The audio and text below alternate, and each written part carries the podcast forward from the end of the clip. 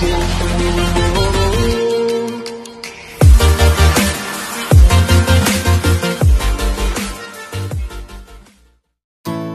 lagi bersama kami di Beyond Education Podcast bersama Pak Doni.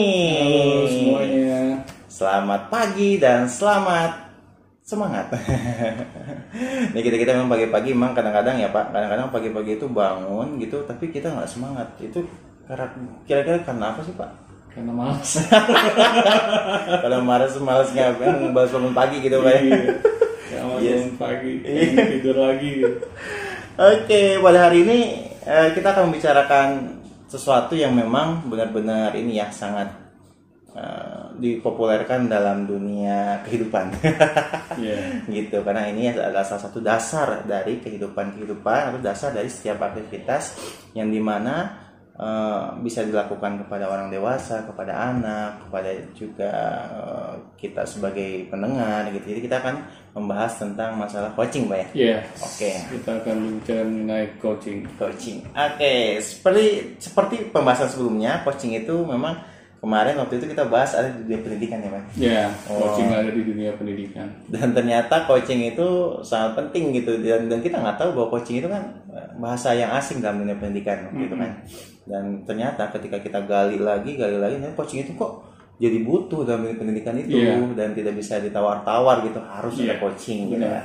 Nah sekarang gini pak. Sekarang banyak nih eh, anak-anak yang misalnya dalam eh, dalam coaching kan ada menentukan goal pak tuh. Iya, Ya, tergantung dan anak-anak kita cita-cita. Mm, sebenarnya apa sih yang harus anak-anak lakukan sebelum apa sebelum menentukan goals itu pak? Ya, baik.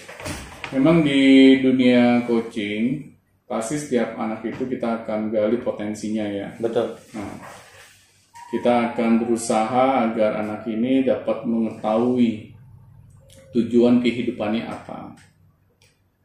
Mengapa dia dilahirkan di muka bumi ini? Mhm. Dia harus ngapain di dunia ini? Nah, tapi kadang anak memiliki kesulitan Hmm. untuk menentukan goal atau cita-cita mereka. Ya. Di pembahasan yang lalu sudah kita sempat uh, bahas ya, mengapa sih anak sulit gitu menentukan cita-citanya, goalnya. Karena memang jarang ditanyakan Iya. Salah satunya itu pak ya. oleh orang-orang terdekatnya, Hmm. oleh orang sekitarnya. Iya. Dan ditambah lagi ketika keluarga itu tidak dapat menjadi supporting system Iya. yang terbaik buat anak-anaknya. Karena banyak anak yang lahir di dalam keluarga yang mohon maaf ya kurang harmonis. Anak sulit bisa memikirkan hal yang terbaik minimal untuk dirinya dulu deh sendiri. Hmm. Ya. Iya. Karena dengan di keluarga yang kurang harmonis, pastinya anak-anak akan mendapatkan influence-influence, pengaruh-pengaruh yang tidak apa ya bisa dibilang tuh kondusif Iya. bagi tumbuh kembang anak. Betul. Karena kan ada yang berantem misalnya gitu ya. Ya. Ada yang misalnya teriak-teriak ibu dan bapaknya anak-anaknya "Ih, kenapa sih kenapa sih gitu kan ya. Nah, itu yang yang membuat kondisi psikologi seorang anak Hmm. akhirnya terganggu. Hmm. Iya. Ya. Dengan keadaan keluarga yang kurang harmonis, misalnya komunikasi antara orang tua tidak berjalan dengan baik, ya. Ya apalagi komunikasi di dalam keluarga tersebut. Oh, iya. Jadi dengan kondisi seperti itu anak-anak sulit untuk menentukan gol ya, Pak. ya? Pasti karena mereka ini Iya, jangankan Oh, gol gitu ya, jangan jangan gol. gol ketika di keluarga aja ribut mulu gitu kan. Ribut. ya Hmm. jadi mereka terdistract gitu Hmm. Dengan keadaan di dalam rumah. Ini yang membuat akhirnya kita di sekolah ketika mengcoaching anak-anak itu memiliki tantangan gitu pas anak dalam keadaan kondisi psikologi yang kurang baik. Ya. Anak ketika ditanya misalnya apa cita-cita kamu, saya nggak tahu pak. Aduh, Ah, gitu. goal kamu apalagi goal pak cita-cita aja nggak punya. Hmm. Ya. Kenapa kok kamu nggak punya cita-cita, nggak punya goal? Hmm. Aduh pak, saya aja di rumah aja melihat keluarga apa namanya eh, seperti tidak mendukung ya kehidupan saya ya apalagi saya mikirin cita-cita ya.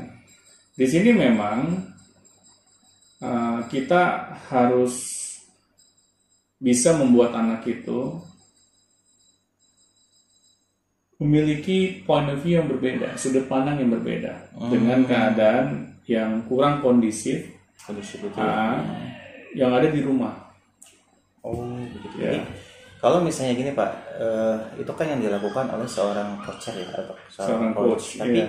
Anaknya sendiri nih, ketika ada yang mendengar di sini mungkin audiens, Mhm. kok saya eh, pas banget nih saya di rumahnya tidak kondusif, Hmm. tapi dia pengen eh, hidup dia itu gak mau acak-acakan gitu, pengen Iya. ada bos, pengen ada apa kira-kira yang harus dilakukan anak itu apa ya Pak?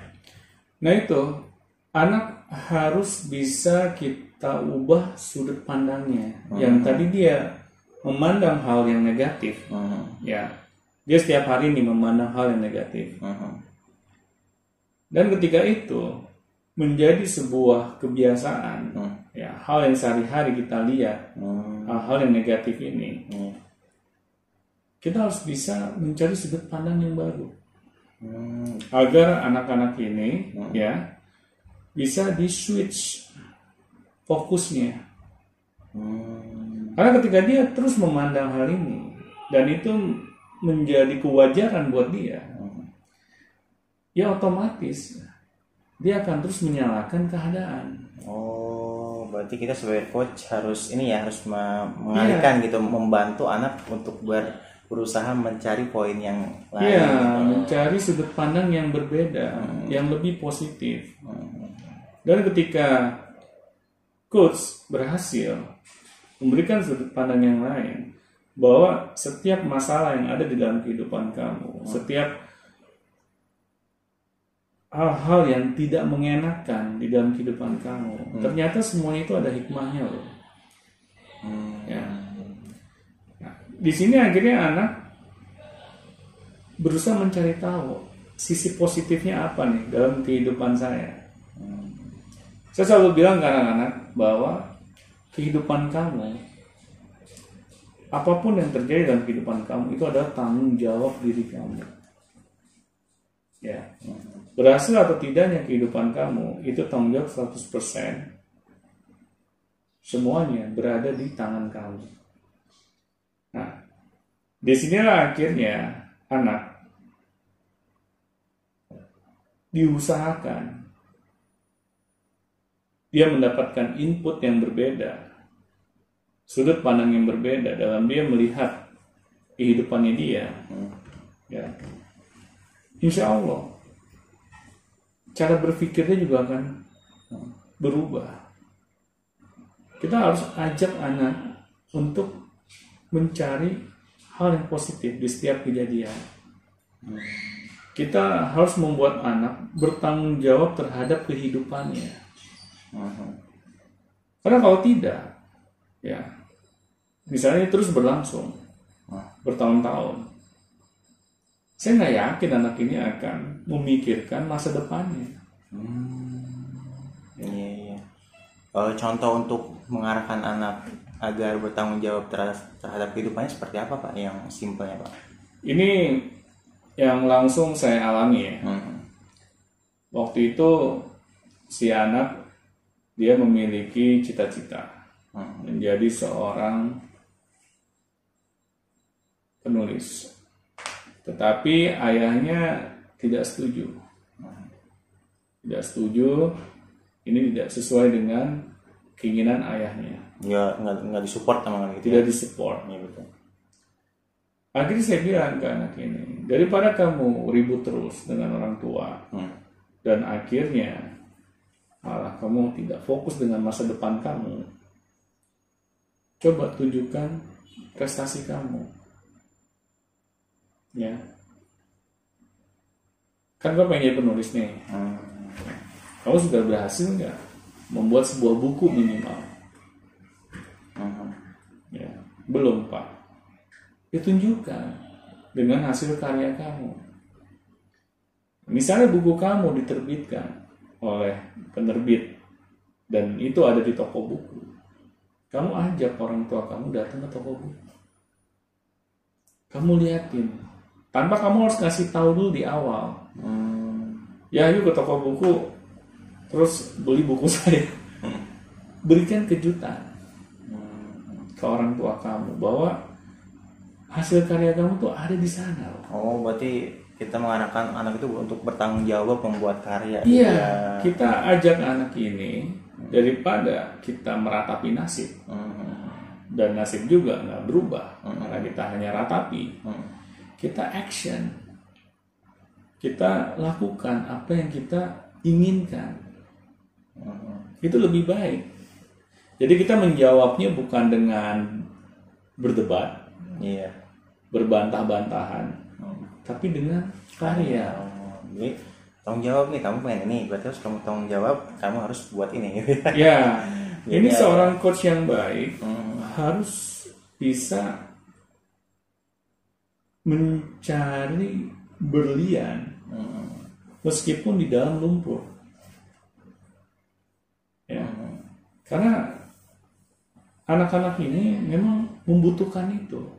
Hmm. Kan secara pengalaman anak-anak ya namanya juga anak-anak ya remaja secara usia mereka butuh yang namanya sudut pandang sudut pandang baru dari pengalaman-pengalaman Hmm. coachnya Ya, betul.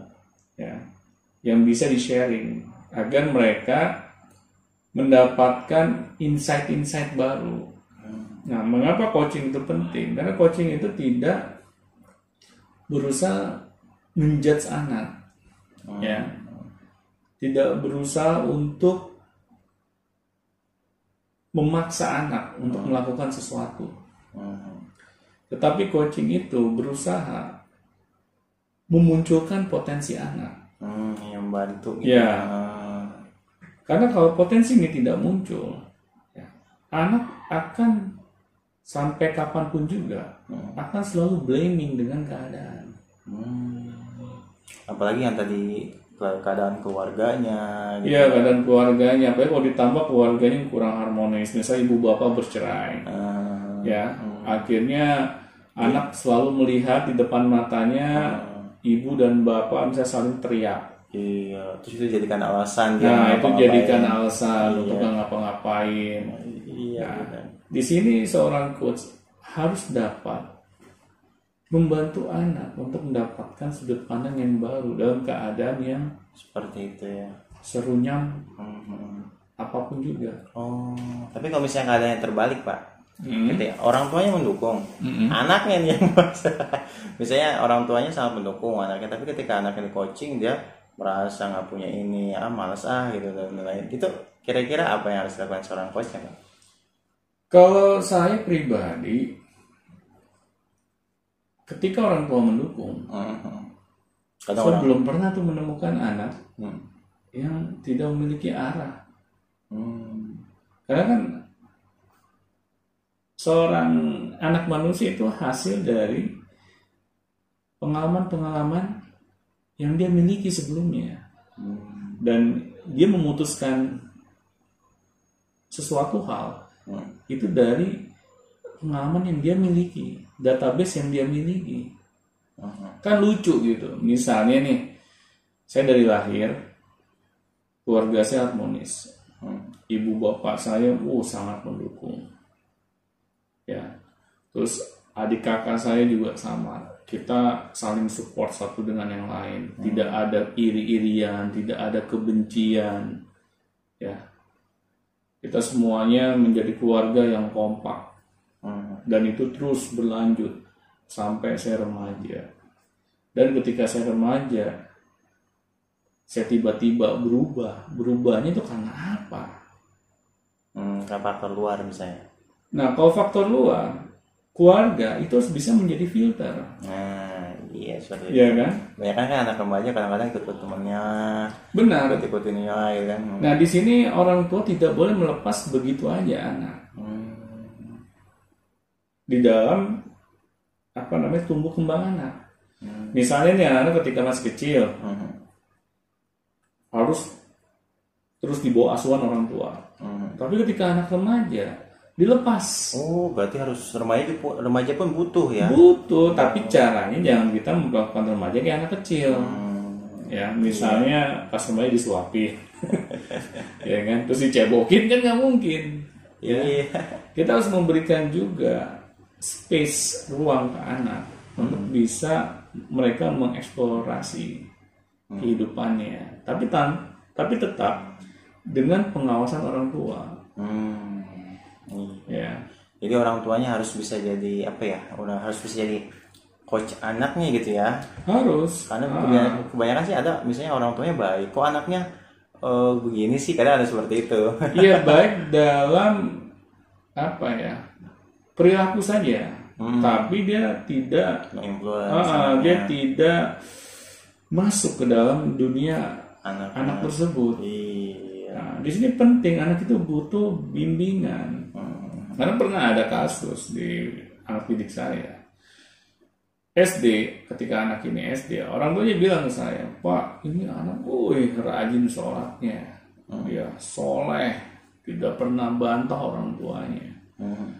Pas SMP, anak ini, kami pikir sifat-sifat baiknya dia pas SD itu akan berlanjut terus. Nah, SMP kami longgarkan. Bengal. Nah, diambil anak ini oleh lingkungannya. oh iya. Ya. Mulai deh perilakunya aneh-aneh. Hmm. Ya, pulang ke rumah bukannya apa tepat waktunya, malah selalu melanggar aturan pulang yang ditetapkan oleh orang tuanya. Dan ini kan membuat anak yang tadinya baik menjadi tidak baik. Apa kita bisa ngeblame anak? Ini anaknya pak penyebabnya. Padahal kita sebagai orang tua nggak sadar. Kita ada input di situ. ya. ya kadang orang tua nyalain anak Nah itu. Nah, di sinilah kita pentingnya sebagai orang tua itu harus terus menjaga hubungan baik dengan anak. hmm. Ya. Nah, tapi memang si- situasi itu tidak bisa selalu ideal ya. ya pasti ada inilah Ya. ya, Hmm. Plus minusnya gitu. Iya betul. Nah, itu tadi yang saya jawab dari Agung ketika memang orang tua dapat mendidik anak dengan baik. Ya, insya Allah anak juga akan memiliki perilaku yang baik juga. Hmm, dan terus harus di coach gitu ya. Dan itu harus selalu di maintain. Kadang ada anak-anak itu SD-nya baik, orang tuanya baik, SMP-nya baik, orang tuanya baik. Nah, SMA-nya nih tiba-tiba dia narkoba gitu. Nah ini Atau ke mana ke mana iya, dia, dia saya, gitu. saya melihatnya bahwa ada celah di situ yang dimanfaatkan oleh anak. Hmm. Ya, Tanpa jadi pengawasan gitu. Ah, tanpa pengawasan, anak perlu dibebaskan, ya. Di sini pentingnya orang tua ketika memiliki anak remaja, dia harus pintar untuk main tarik ulur. Hmm. Ya seperti main layangan lah. Ya, kapan kita ulur, kapan kita tarik, ya kita harus lihai di situ. Tergantung anginnya ke mana. Ya, anak baru remaja itu seperti itu. Kita nggak bisa kan ulur terus, ya, kan? akhirnya anak Hilang. waduh nggak jelas ke mana gitu. Iya. Ya diambil oleh lingkungannya. Betul. Ya. Nah, akhirnya ketika anak bikin masalah di luar, ya narkoba lah, ngambilin anak orang lah, Mm-mm. pulang ke rumah, kita sebagai orang tua kan Jadi bingung apa ya. coba? Iya sih. Ya hanya bisa menyesali nasib. Ya. Iya betul. Memang. Tapi kalau yang lebih parah berarti seperti ini Pak. Jadi ketika anak itu di rumahnya eh, apa kondisinya nggak kondusif seperti yang Bapak bilang, ditambah di luarnya dia lingkungan negatif. Hmm. Gimana tuh Pak cara cara kita sebagai coach agar anak ini kembali pada jalan yang benar? Ya, ini memang tugas tambahan lagi buat si coach. iya itu dua-duanya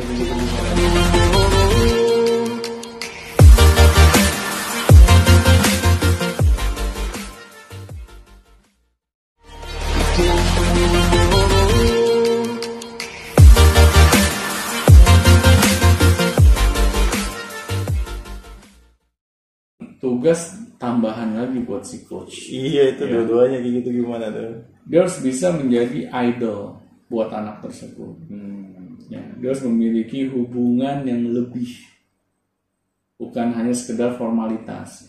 Hmm, bukan sekedar hanya coach dan Iya. kamu coachingnya oh iya. Harus ada ikatan batin di situ, Hmm. agar anak itu memiliki role model yang baru yang dia nggak dapatkan di rumah misalnya. Di rumah dan lingkungannya. atau di lingkungannya. Si coach ini memang dia harus lebih ini lagi meluangkan waktu lagi, untuk mempelajarinya Ah. untuk anaknya gitu ya. lebih struggle lagi. Tapi saya meyakini ketika kita tulus menjalani peran itu, insya Allah ya, apa yang kita lakukan juga terbayar. Betul. Nah, di sini makanya pentingnya seorang coach ini menjiwai perannya. Hmm, dan sabar. Ya, dan sabar. Karena sabar itu akan datang dengan sendirinya kok kalau kita tulus. betul betul. Kita jangan ngejar sabarnya. Karena makan hati. ya. Yang kita kejar tulusnya. Kita peduli dengan keberhasilan anak. Hmm. Ya. Insya Allah ketika niat kita tulus, perbuatan kita juga akan tulus. Kita nggak pernah ngerasa beban dalam menjalani peran kita sebagai seorang coach. Malah ketika anak bandel, wah ini tantangan, bukan hambatan. ya. Biasanya kan ada masalah nih hambatan di depan kita. Kalau kitanya tidak tulus, Hmm. pasti pengennya kabur aja gitu. Iya betul. Tapi menghadapi anak yang apa ya, yang beyond of imagination gitu. Ya, Iya. Terus kenapa sih Pak ada ini kan sebagian coach biasanya akan menghadapi hal ini ya. Entah itu coach yang remaja atau coach yang sudah eh, orang dewasa. Itu kenapa sih seseorang itu bisa nakal gitu? pasti ada penyebabnya. Iya jadi kayak anak remaja tuh kan dididik baik-baik kenapa sih itu bisa nakal terus eh, orang tua juga ya tidak menutup kemungkinan gitu ada aja nakalnya dia gitu kenapa sih bisa tadi hal seperti itu pak kenapa sih orang tua bisa nakal dan bagaimana cara coach itu untuk me- apa me- memberikan eh, treatment terbaik untuk yang nakal itu Ya, Hmm. anak nakal wajar asal nakalnya ini dalam ukuran yang masih relevan, Hmm. ya, ukuran yang tidak sampai merugikan orang lain. Nah itu wajar. Anak-anak dan remaja ini kan masih mencari jati diri, masih mengeksplor banyak hal. Iya jadi nakal itu adalah proses dia gitu ya. proses proses. Tapi yang penting kita sebagai orang dewasa di sekitarnya itu harus sabar. Hmm, hmm, hmm. nah, menemani proses itu. Saya yakin anak-anak tidak ada kok yang bercita-cita pengen jadi anak kurang ajar. Iya ya atau mau bercita-cita pengen jadi begal. Atau bercita-cita pengen ngelukain temennya dari kecil gitu ya. Ah, nanti kalau gue udah besar nih gue pengen jadi perampok yang ulung. Saya belum pernah dengar kayak gitu. Kalau saya sempat dengar berarti ini anak ajaib gitu. Ya. Karena anak akan melihat lingkungannya. Dia akan mengcapture lingkungannya. Dia dibesarkannya bagaimana? Kecuali Tuhan punya effort di situ campur tangan di situ. Hmm, anak meskipun dalam keadaan lingkungan yang luar biasa rusak dia bisa survive. Kalau Tuhan ikut campur di situ. Nah tapi bukannya saya tidak mau membahas tentang ikut campur tangan Tuhan ya. Hmm. tapi pada umumnya kita berbicara gitu. Iya, ikhtiarnya kita seperti apa? Ah, ya kita memang membentuk environment lingkungan yang kondusif buat anak Hmm. agar anak ini ketika dia salah jalur Hmm. dia salah jalurnya itu nggak kelamaan Oh, yang penting itu ya. iya Jadi yang yang jadi masalah eling itu. lagi. Oh, iya. Ah, Mak. cepat elingnya Setiap anak pasti punya salah tuh. pasti Ah. orang punya salah kan Berarti yang membedakan itu adalah eh, apakah balik laginya cepat atau enggak gitu ya. Iya, Oh, benar. Nah ini ada cerita yang saya ingin share di sini mengenai teman saya dulu waktu saya bekerja di kapal pesiar ya. Hmm. Jujur aja ketika saya bekerja di kapal pesiar itu lingkungannya itu memang pas untuk kita bermaksiat. Iya apalagi kalau jalurnya jalur barat tuh ya. ya segala hal yang maksiat ada. Ya sebutkan. saya bisa menjawab semua gitu. Orang yang nyari ini pak nyari koin Ya. Nah, tapi saya bingung ada salah satu teman saya Hmm. yang nggak tahu kenapa nih saya lihat luar biasa gitu. Dia hampir tidak terpengaruh dengan lingkungan. gitu. Ya. Standby gitu dengan kebaikan dia. Ah, padahal lingkungan itu sangat mendukung untuk dia melakukan hal yang negatif, Hmm. melakukan hal-hal yang bermaksiat. Iya iya betul. Karena nggak ada siapa-siapa kan, nggak ada orang tua, nggak ada teman, nggak ada saudara. Ya kita benar-benar merantau gitu. Hmm. Dan Maksiat. semua yang maksiat tersedia Hmm. di depan mata kita. Hmm. Tapi saya melihat teman saya ini unik gitu. Oh dia nggak ikut-ikutan gitu ya. Ya, dia nggak nggak nggak main-main ke tempat-tempat yang aneh-aneh gitu kan. Iya. iya. Dia nggak minum-minum. Hmm. Di sini saya coba berusaha menyelidiki. Hmm. Alhamdulillah saya akrab dengan dia. Oh sesama Indo juga. Ya, sesama saya- Indonesia. iya, iya. Nah, pada suatu saat saya main ke kamarnya dia. Hmm. Ketika saya main di ke kamarnya dia, kan biasa lah yang namanya anak muda gitu kan. Oh, di kamar sendiri yang ada tuh foto pacar, Hmm. foto teman-teman. Nah, di kamarnya dia saya tidak menemukan foto-foto yang tadi saya sebutkan.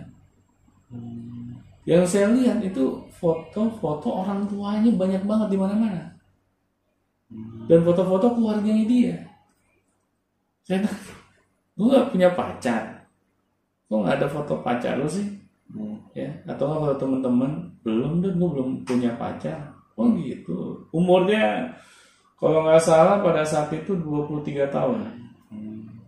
Ya, saya sudah 25 pada saat itu. Oh gitu, lu belum punya pacar? Iya, gue belum punya pacar. Nggak, ini nggak minat pacaran. Ntar-ntar aja lah, gampang gitu.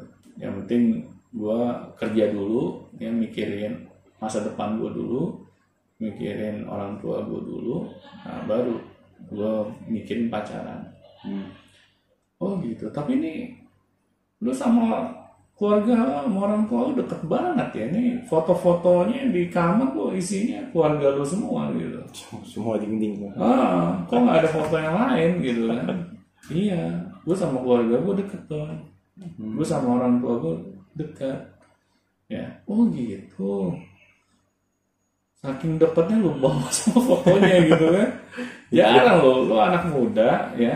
Tapi dengan apa ya dengan pola yang berbeda pada umumnya gitu yang saya lihat. Lo malah bawa foto keluarga lo orang tua lo. Emang hubungan lo kayak apa sih dengan keluarga dengan orang tua lo? Nah dia cerita bahwa dia dekat dia dekat dengan orang tuanya dia dekat dengan adiknya. Dia hubungannya itu harmonis. Oh gitu. Jadi hubungan lo tuh baik ya dengan orang tua dengan saudara-saudara. Iya. Soalnya gue aneh aja sih jarang gitu anak muda tuh kayak lo gitu.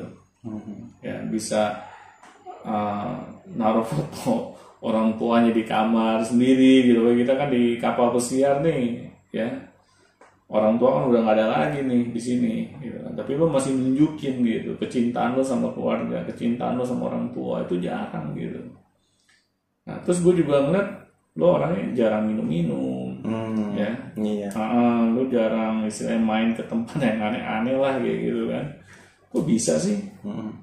soalnya gue malu dong malu sama siapa ya sama orang tua gue padahal nggak di situ orang nggak ada tuanya di situ tapi masih hidup kan kayak orang tua waktu itu masih hidup. Oh iya, iya. nah. Oh lo malu malu kenapa? Iya soalnya gue malu kalau sampai orang tua gue tahu. Gue melakukan hal-hal yang negatif. Ush, sampai penanamannya sampai seperti itu ya. Nah itu. Hmm. itu kan bukti nyata. Pas orang tua ya berhasil mendidik anak insya Allah anak ketika sudah besar even jauh di luar sana Hmm. ya dia tetap memiliki nilai-nilai yang dia pegang oh iya iya iya ya.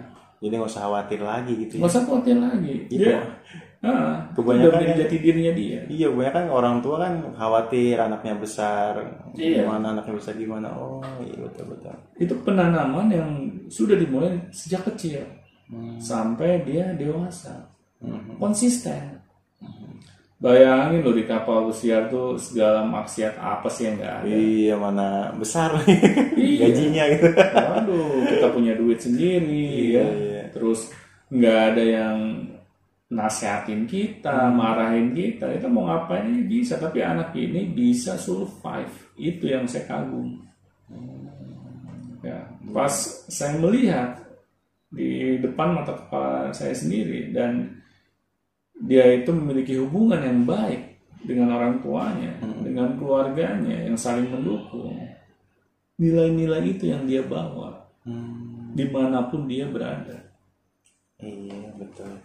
Dan terciptalah generasi selanjutnya, orang tua selanjutnya yang seperti itu. Iya, dia akan menurun gitu sifat-sifat itu. Iya, nanti yang anaknya itu nanti mengajarkan ke anaknya lagi. Iya, akan seperti ya itu efek bola salju. hmm. Ya terus berlanjut. Ya, Ya seperti itu harus makin besar. Oh iya, tuh yang khawatir dengan anaknya tiba-tiba gedenya jadi bengal. jadi error. Jadi error jadi dari sekarang ya pemirsa ya jangan lupa. Tapi kalau misalnya gini Pak, yang terlanjur bengal gitu.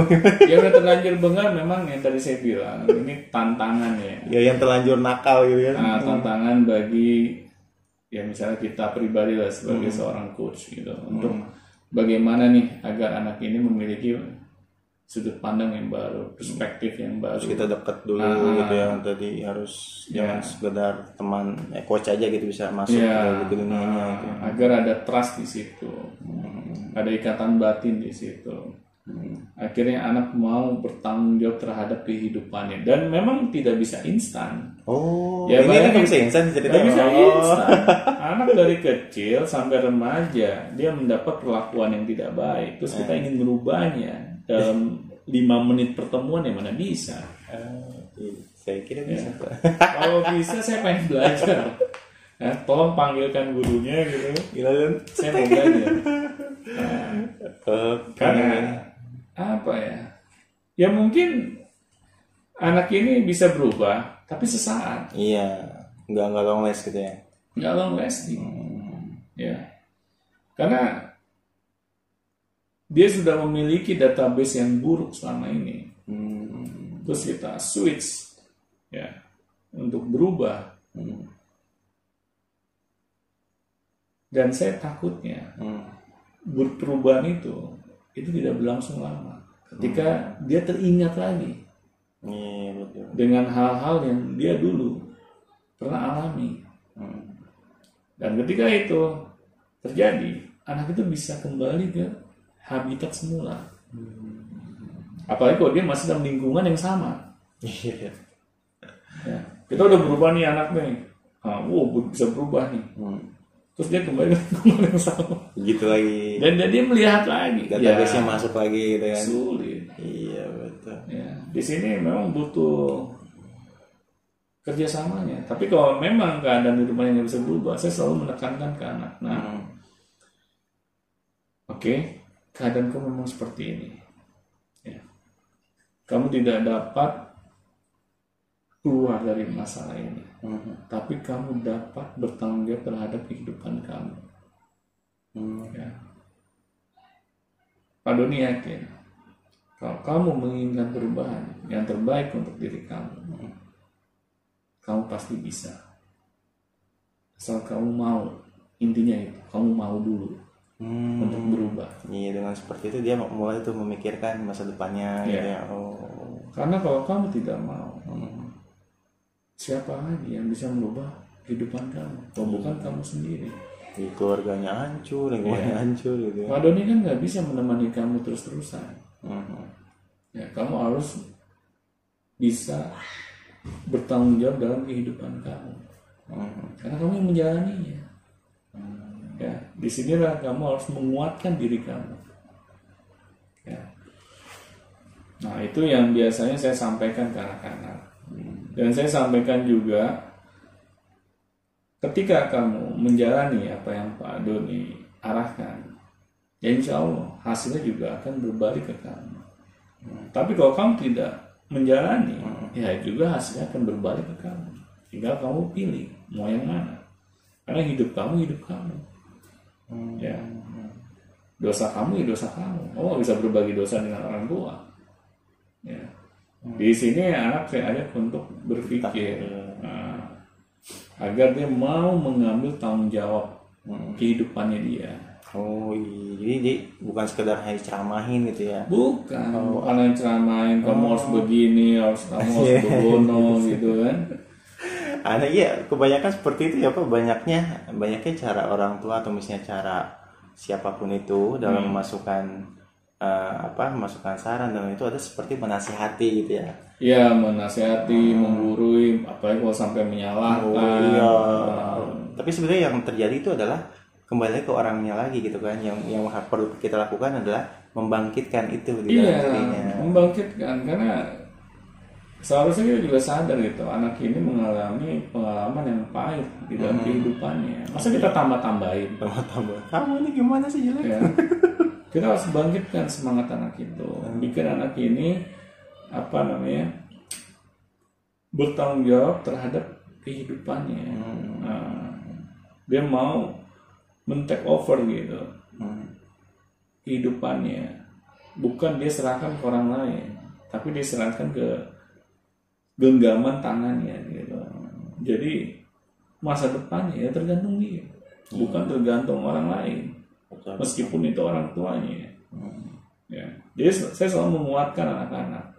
Pasti kamu bisa. Pasti kamu bisa. Iya, menambahkan data positif gitu ya. ya itu itu akhirnya apa ya perubahan itu itu dapat ber- terjadi berangsur-angsur ke arah yang positif Iya. Nah, jadi memang nggak bisa instan Nah, anak itu harus berubah gitu ya Ya bisa lah.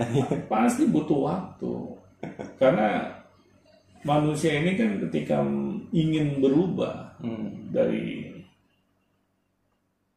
hal A ke hal B gitu Hmm. ya itu butuh proses Hmm. ya malah ada yang butuh waktu sangat lama ya ada butuh waktu yang mungkin uh, sedang atau sebentar itu memang tergantung masing-masing orang Oh, jadi beda-beda ya, Pak? Beda-beda. Oh, nggak nggak semuanya sama gitu. semuanya sama dan di sinilah kita harus sabar gitu dalam menemani gitu Hmm. anak-anak kita ini dalam dia menjalani kehidupannya Hmm. Kalau misalnya peran agama di situ di mana, Pak? agama oh, sangat penting Ketika anak-anak itu sebenarnya bengal.